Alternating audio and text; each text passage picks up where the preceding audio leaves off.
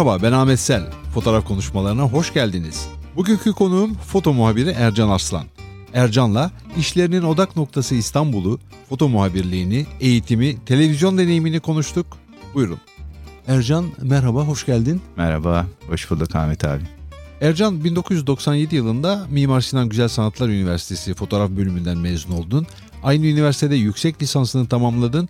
1995 yılından bu yana Milliyet Gazetesi'nde foto muhabiri ve fotoğraf editörü olarak görev yapıyorsun. Mimar Sinan ve Yıldız'da basın fotoğrafı dersi veriyorsun. Kişisel fotoğraf sergileri açtın. Fotoğrafın önemli isimleriyle çok sayıda karma sergiye katıldın. 2013 yılında World Travel Channel'da Şimdi Fotoğraf Zamanı adlı 21 bölümlük bir televizyon programı hazırlayıp sundun. Kamil Fırat'la birlikte bir kitabınız var. Doğuya Dokunmak. Aldığın ödüller de var. 2011 yılında Türkiye Gazeteciler Cemiyeti Yılın Fotoğrafçısı Ödülü, Türkiye Foto Muhabirleri Derneği Avrupa Birliği Birincilik Ödülü, Getty Images Fotoğraf Başarı Ödülü. Ercan seninle bugün fotoğraf serüvenini paylaşacağız, konuşacağız. Çok deneyimli bir fotoğrafçısın, foto muhabirisin ve anlatacak çok şeyin var. Kısaca fotoğrafa nasıl başladığını anlatsana. 1988 yılında İstanbul'a üniversite için gelmiştim. Hem dershaneye gitmem de gerekiyordu, çalışmam da gerekiyordu. Çok kısa süre bir fotoğrafçıda çırak olarak başladım. Hemen akabinde Milliyet'in fotoğraf servisine girdim. Fotoğraf servisinde çalışmaya başladım 90 yılında. Sonra baktım ki böyle foto muhabirleri falan çok hareketli, çok dinamik çok güzel işleri olayların tam içindeler. Çok heyecanlar. Ya inanılmaz bir adrenalinle geliyorlar, gidip geliyorlar. Ben de o dönem Mimar Sinan'ı fark ettim ve Mimar Sinan fotoğraf bölümüne girip fotoğrafçılığımı da böyle pekiştirerek böyle bir başlamış oldum öyle söyleyeyim. Ondan sonra basına girmek nasıl oldu? 90'da fotoğraf servisinde teknik bölümdeydim. Yani filmleri yıkayıp kart basıyorduk. O dönem hatırlarsan Cağaloğlu'nda, Milliyet'in Cağaloğlu'nda. 92'de okula başladığımda tekrar bir dergide çalışmaya başladım.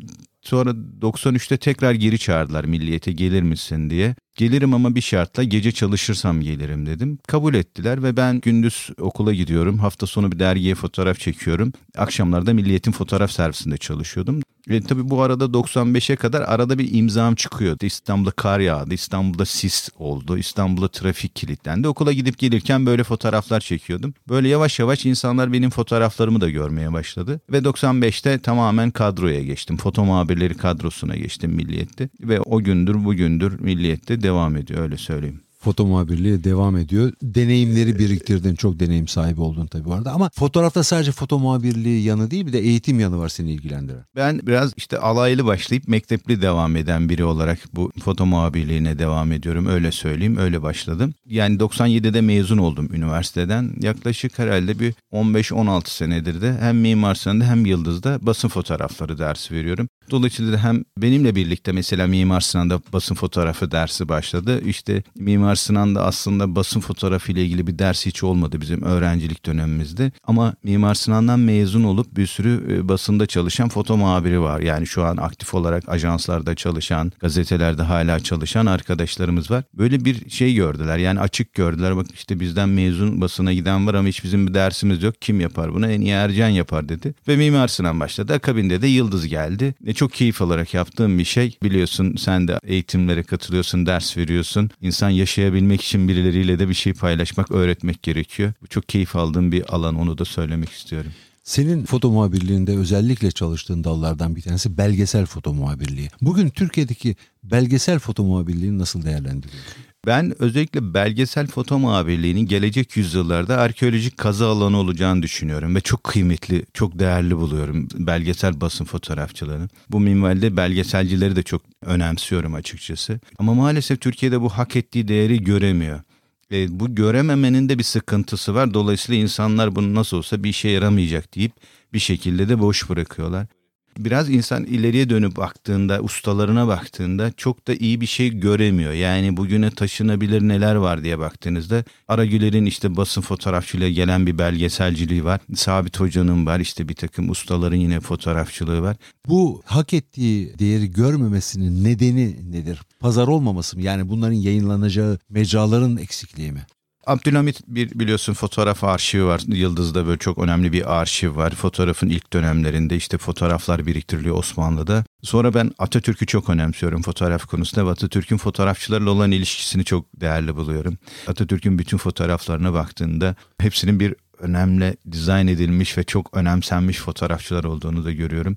Çünkü Cumhuriyet'in ilk dönemleri yeni bir bebek doğuyor ve dünyaya bunun mesajını vermek istiyor. Dolayısıyla da Atatürk işte kadınlarla dans ediyor. İşte tarımda, köyde, hayvancılıkta, teknolojide, fabrikaları geziyor. Öğrencilerle iletişim kuruyor ve bunu bir görsel iletişim aracı olarak kullanıyor ve dünyaya bunun mesajını vermek istiyor. Ve Atatürk'ün uyurken fotoğrafı suda işte yüzerken salıncakta bu fotoğraflara baktığımızda aslında çok geçmişte çok güzel somut fotoğrafla ilgili çok aslında iyi şeyler yaşadığımızı görüyoruz. Önemli siyasi iletişim fotoğrafları aslında. Kesinlikle, kesinlikle. Ama şeyden sonra 50'lerden sonra iş biraz daha şeye dönmeye başlıyor. Daha turistik fotoğrafçılığa dönmeye başlıyor. Belgeselcilik artık şeye dönmüş işte manzara fotoğrafçılığına dönmüş. Dolayısıyla da burada bir sıkıntı var. Ben bunun sıkıntısının biraz fotoğrafçılardan kaynaklandığını düşünüyorum. Aslında hangi meslekte sorun varsa bil ki o mesleği yapanlar birinci suçludur. Onlar öyle söyleyeyim. Biraz işte kendilerini geliştirmemiş olmaları, dünya ile kontaklarını koparmış olmaları. Sen de biliyorsun ki dünyada en iyi 10 fotoğrafçı diyeceğimiz Henry Cartier-Bresson'dan Kudelka'ya, Sebastian Salgado'ya kadar hepsi İstanbul'a, Türkiye'ye gelmiş fotoğraf çekmiş. Hepsinin de çok önemli işleri. Mark Rubin'in kitapları var. Otmar Ferchi'nin kitapları var. Onların yaptığını görseler bugünkü fotoğrafçıların uykuları kaçması lazım. Çok ciddi söylüyorum. Ama maalesef hala ve biz hala bugün dahil uyanmış durumda değiliz. Yani o yüzden ben Türkiye'de belgesel fotoğrafının bir yere gelmemesinin sebebi ben belgesel fotoğrafçılar olarak görüyorum. Biz çünkü kendi kalitemizi belirleyen kişi biziz. Biz vasat işlerimizle bir yere gelmeye çalışıyoruz. Dolayısıyla hak ettiğimiz değeri de öyle alıyoruz. Yani benim sadece çok mükemmel olmam yetmiyor. Senin çok iyi mükemmel olman yetmiyor. Yani etrafımızdaki insanların da iyi olup kaliteyi arttırmamız lazım. Sen belgesel fotoğrafı nasıl tanımlıyorsun özet olarak? Şimdi biliyorsun basın fotoğrafçılığı an yakalama ilişkisi. Yani bir şey olur işte toplumsal olay bir yere gidersin anı yakalarsın. Ben belgesel fotoğrafı aynı zamanda değişimi takip ederek yapmaya çalışıyorum. Ben gelecek kuşaklara bir şey anlatmak istiyorum. Onların görsel hafızalarında bir boşluğu doldurmak istiyorum. Gelecek yüzyıllarda 2000'li yıllarda 1995'te sokakta insanlar nasıldı? Maça gidenler ne yapıyordu? Nasıl oy sandığına gidiyorlardı? Sanatçılar nasıldı? Nasıl giyiniyorlardı? Nasıl yürüyorlardı? Nasıl eğleniyorlardı? Hava nasıldı? Korona nasıl geçti bu ülkede dediklerinde ben o fotoğrafları o insanların o hafızalarındaki boşluğu doldurmak istiyorum. Çünkü insan zekası %80'i görsel şeylerden oluşuyor. Ben onların görsel zekasındaki boşlukları doldurmaya çalışıyorum. Bugün insanlar cep telefonuna çekiyor bütün ailelerin önemli anlarını, doğum günlerini, işte ne bileyim evlilik yıl dönümlerini, işte yemeklerini, törenlerini, bayramlarını. Oysa bu ülkenin en güzel arşivi oralarda saklanıyor. Ama bugün cep telefonunda ya bu cep telefonunun başına bir iş gelse gitti çocuğun 10 yıllık hatırası anısı. Çünkü karta basmıyor. Bilgisayara yüklüyor. Hard diske virüs girdi. Aslında gelecekte bir de böyle bir boşluklar yaşayacağız. Yani çocukların geçmişlerine ait anıları olmayacak. Fotoğrafları olmayacak. Babamın hard diskine virüs girmiş, benim fotoğraflar silinmiş. Ne kadar sıkıntılı bir durum biliyor musunuz? Yani çocuğun 10 yılını silip atıyorsunuz. Dolayısıyla da sadece fotoğraf çekmek değil aynı zamanda onları saklamak da çok kıymetli. Türkiye'de böyle bir sorun da var. Kimse 50 taşın altına koymuyor. Ben şimdi ölüm oruçları ile ilgili fotoğraf çekmişim. İşte ne bileyim başka bir şey gay, kulübü çekmişim. İşte boru dansı. Şimdi bunu devlete versem ne olur mesela? Ya 1 Mayıs'ta çekmişim. İşte devlet bu bize ters diyebilir yani. Oysa bunun öyle olmaması lazım. Çünkü ben bir tanığım. Yani Aragüler'in dediği gibi biz yaşadığımız dönemin görsel tarihçileriz. Ben sadece tarihe not düşerim. Gerisi tarihin işi. Benim ben yorumlamam onu. Ama benim işim bugünü, yaşadığım dönemi, yaşadığım dönemin insanlarını, yaşadığım şehri, yaşadığım ülkeyi, yaşadığım dünyayı elimin yettiği sürece belgeleyip geleceğe aktarmak. Buna hamallık da diyebilirsin. Buna güzel bir görev de diyebilirsin. Ya seninki de iş değil de, de diyebilirsin. Sen sanatçı değilsin, fotoğrafçı da değilsin de diyebilirsin. Herkes her şeyi diyebilir ama ben 50 yıl sonra eğer insanlara bir şey taşıyabileceksem, onların görsel hafızasında bir boşluğu doldurabileceksem beni o zaman tarih yargılasın. Başka da bir şey istemiyorum. Ercan senin çalışmanın merkezinde İstanbul çok önemli bir yer tutuyor. Nasıl çalışıyorsun İstanbul'da? Şimdi ben İstanbul'da İstanbul'daki kar, sis, yağmurlu ve özel ışıkların olduğu günlerin fotoğrafçılar için verilmiş özel zaman dilimleri olduğunu düşünüyorum ve bu çok sınırlı. Senede 3 defa kar yağıyor ya da yağmıyor. Belki 10 sene hiç kar yağmayacak. Ben bu anları yakalamaya çalışıyorum. Dolayısıyla da İstanbul'un tarihi dokusunu, katmanlarını, İstanbul'un değişimini, dönüşümünü görmeye çalışıyorum. İstanbul'la ilgili çok şey anlatmaya gerek yok. Yani dünyanın en güzel şehri. İşte ortasından deniz geçen işte tek şehir. Ben de 20 tane ülke gördüm. Çoğu Avrupa'nın en önemli şehirleri. Hepsi muhteşem caddeleriyle, sokaklarıyla inanılmaz. Ama böyle ortasından deniz geçen, böyle muhteşem bir Allah vergisi şehir yok. Bazı insanları aslında eleştiriyorum. Şu açıdan eleştiriyorum. İnsanlar 2000-3000 e, euro verip işte kuzey ışıklarını çekmeye gidiyorlar. Ne bileyim işte 2000 euro verip Fransa'ya fotoğraf turuna gidiyorlar. Ben karşı değilim. Bunu böyle bilinsin. Yani altın çizmek istiyorum. Ben hiçbirine karşı değilim. Ama insanlar kendi şehirlerine, kendi coğrafyalarını, kendi kültürlerine, kendi memleketlerine, kendi kültürünün işte bir takım ritüellerini yabancı olursa ben onu fotoğrafçı olarak görmek istemiyorum. Çünkü o fotoğrafın bu ülkenin görsel hafızasında bir boşluğu doldurmasının mümkün olmadığını düşünüyorum. Evet sadece bireysel anlamda gidip gezebilirsin. işte farklı bir ülke görebilirsin. Ben de 20 küsur ülke gördüm. Ama ben eninde sonunda İstanbul olmak istiyorum. İstanbul'un işte görsel hafızasında boşluğu doldurmak istiyorum. Çünkü İstanbul tarihine baktığın zaman bugün de çok kıymetli, geçmişte de çok kıymetliydi, gelecekte de çok kıymetli ve İstanbul'la ilgili ne üretirsen, İstanbul'la ilgili ne yaparsan bir fotoğrafçı olarak gelecekte bir karşılığı var. Yani Aragüler ben dört savaş gördüm diyor. Hiç kimse Aragüler'in bir tane savaş fotoğrafını bilmez mesela. Aragüler'in en büyük projesi Nemrut'tu, Afrodisası'dır, işte Nuh'un gemisidir. Ama Aragüler İstanbul'da var olur ve dünyada öyle bilinir. Orhan Pamuk Nobel'i İstanbul sayesinde almıştır. Dolayısıyla İstanbul bütün şairlere, yazarlara, ressamlara ilham olmuş bir şehir ve sen fotoğrafçı olarak burun göbeğinde yaşıyorsun. Sadece bir biletle bir metroya basıyorsun, gidiyorsun, istediğin yerde fotoğraf çekiyorsun, bir vapura binip gidip fotoğraf çekiyorsun ve hiçbir de masrafın da yok, zamanın da gitmiyor. Yeter ki ben istemiş olayım ama ben İstanbul fotoğrafçısı olmak istiyorum. Hayalim Evet ben İstanbul'da maçlara da gidiyorum. İstanbul'da sokakta çekiyorum. İstanbul'un ritüellerini de çekiyorum. Haçat maçını, Aşurasını, Boğaz'da yüzme yarışını, Avrasya Maratonu her yıl fotoğraflıyorum. Çünkü onların ucu açık projeler olduğunu düşünüyorum. İstanbul'un ulaşımını çekmeye, İstanbul'un kedisini köpeğini çekmeye bir boşluk var. Ben o boşluğu doldurmaya çalışıyorum. Yani İstanbul'un dört ayaklı dostları diye sergi var, kitap var ama 50'de 80'den sonra yok. İşte o 80'den sonra bir araya gelecek bir projeyi ben üretmek istiyorum ya da başkası üretecek ama birinin üretmesi lazım. Ama biri üretip üretmediğini ben bilmediğim için ben bunu kendimi sorumlu istiyordum. Ben İstanbul'un bu anlamda gözü olmak istiyorum öyle söyleyeyim. Ercan az önce sözünü ettik e, bu çekilen fotoğrafların arşivlenmesi, biriktirilmesi, bir yerde muhafaza edilmesi konusunda senin ne gibi bir girişimin var? Örneğin bu İstanbul fotoğraflarını nasıl muhafaza ediyorsun? Bir kere şunu söyleyeyim hakikaten yani biri böyle fotoğraf virüs falan hard disk dedikleri zaman gerçekten çok korkuyorum. Yani biz abi çok bütçesi olan ya da çok bu işten çok para kazanan insanlar değiliz. Ya da işte ofisler tutup işte bunu farklı kopyalar yapacak durumda değiliz. 2002'ye kadar biz daha çok diye çekiyorduk. İşte daha çok o çektiğim fotoğraflar diye olarak ya da renkli siyah beyaz negatifler halinde duruyor. Ama 2002 sonrası tamamen dijitale geçtik. Allah'tan böyle bir şeye geçtik. Yani en azından koruması daha kolay. Şimdi farklı hard disklerde bir, birkaç kopya yaparak muhafaza etmeye çalışıyorum ama benim gücüm yetmez. Benim fotoğraflarım bana ait değil. Bunu herkese söylüyorum. Yani benim fotoğraflarım evet belki ben bu işten para kazanacağım belki kazanmayacağım. Belki oğlum bu işten para kazanacak belki kazanmayacak. Ama ben sonuçta bu fotoğrafları belki bu işin kıymetini bilen bir yere bağışlamak istiyorum. Yani benim fotoğraflarıma sahip çıkın çünkü bunlar artık benim değil.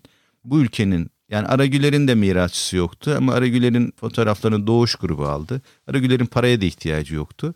Dolayısıyla Aragüler'in fotoğrafları şu an artık korunuyor. Ama aynı şekilde Sabit Hoca'nın arşivine evinde kapısına dört kilit vurulmuş. Dört kardeşi birer tane kilit vurmuş durumda. Kimse alamıyor. Çünkü o fotoğrafların bir şekilde çözülmesi lazım. Yani ben ürettiğim fotoğrafların evet manevi olarak sahibi benim ama gerçek sahibi bu insanlar. Dolayısıyla onlar için çekmiştim. Ben onların fotoğrafları, onların belleği. Bir gün bunu koruyabilecek biri olursa da ben seve seve şey yapmak isterim yani. İstanbul fotoğrafçılığından söz ettik. Sen buna çocukları da bir şekilde katıyorsun ve çocukları anne babalarıyla beraber İstanbul'da gezdiriyorsun ve fotoğraf çektiriyorsun aslında çok önemsediğim şeylerden bir tanesi. Yani üniversitelere ders vermek, farklı kurumlarda fotoğraf eğitimi vermek güzel bir şey. Evet bunu onlarla kendimi biraz daha hayata ait ya da güncel hissediyorum. Çünkü fotoğraf sürekli kendini güncelleyen bir, bir olay fotoğraf. Her gün neredeyse bir şeyleri yeniden bir şeyleri görüyoruz fotoğrafta. Ayak uydurmak gerekir. Dolayısıyla da üniversite beni bu anlamda daha canlı, daha diri tutuyor fotoğraf anlamında. Çocuklarla ilgili yaptığım proje aslında şöyle bir şey. Oğlumla hani onu biraz benim işlerimi de anlasın diye biraz fotoğraf çekmeye hani en azından bir makineyi görsün. Fotoğraf nedir? Biri benimle ilgili bir fotoğraf istediğinde babanın deprem fotoğraflarını verir misin dediğinde çıkarıp hani oradan versin takibini yapsın. Yani aslında şey o çöpe atmasın çünkü bunlar kıymetli şeyler diye. Kendi arkadaşlarımın aynı yaş grubunda çocukları onları davet ettim. Dedim ki gelin benim misafirimsiniz ben sizi İstanbul'da fotoğraf turu yapacağım çocuklarınızla. Bir hanın çay ocağında 100 yıllık bir hanın çay ocağında böyle gazete kağıtlarını serip kahvaltılar yapıyoruz. Simitler işte şeyler ve biz Aragüler'in daha çok fotoğraf ürettiği işte Galata Köprüsü'nün iki ucu arasında yani Eminönü'nden başlıyoruz. Mısır Çarşı'nın içinden geçip işte oradan Galata Köprüsü'nde fotoğraf duraklarını iletişim kuruyorlar. Yani gidip balıkçıya abi fotoğrafını çekebilir miyim diye izin istiyorlar. Balıkçı izin verir vermez ama teşekkür eder geri gelirler. Bunları öyle bir önceden bir yarım saat bir sunum yapıyorlar. Yani iletişim nasıl kurulur, insanlara nasıl tanışılır, nasıl izin istenir diye bunları öğretiyorum. Yani iyi bir fotoğrafçı olmak için önce iyi bir insan olmak gerekir diyorum. Dolayısıyla biraz o eğitimi de veriyorum. Sonra işte e, Rüstem Paşa'nı, Arap Cami, sonra Süleymaniye'de 100 küsür yıllık bir akideciyi götürüyorum onları. Bir akide şekeri işte falan. Yine birçok e, Ali Paşa Han var onun çay ocağında bir çay ısmarlıyoruz. Sonra Süleymaniye'ye çıkıp kuru fasulyeci de bitiriyoruz. Mimar Sinan anlatarak bitiriyor. Çünkü Mimar Sinan biliyoruz çok kıymetli. Hakikaten yani dünyanın en önemli adamlarından bir tanesi. Mimar demek de yetmiyor yani adam her şey çünkü sanatçı, asker her şey Mimar Sinan. Dolayısıyla da çocuklara bunu yapıyorum ve bunu işte yine Edirne kapıdan başlayıp Eyüp'e giden bir rota, Taksim'den başlayıp Karaköy'e gelen bir rota. Böyle farklı İstanbul rotalarında çocuklara tur yaptım. Yani bunu böyle 5-6 defa tekrarladım. Korona girdi ama tekrar devam etmek istiyorum. Bunu para için değil, tamamen çocuklara bu şehri sevdirmek, iletişim kurmayı. Yani benim tura katılan çocukların hepsi bir kere telefonla ilgilenmiyorlar. Yani fotoğraf çekmek için makinaları mutlaka hani bir şekilde aileleri ayarlıyor. Dolayısıyla da iletişim sadece bir konuşuyoruz. Anne babayı çok dinlemiyorlar ama işin komutanı ben olduğum için bana şey yapıyorlar. Tabii Ercan diyor Zeynep şapkasını takmıyor diyor. Mel- Melisa ver arayacağım mesela. Zeynep şimdi şapka diyorum mesela şapkasını takıyor.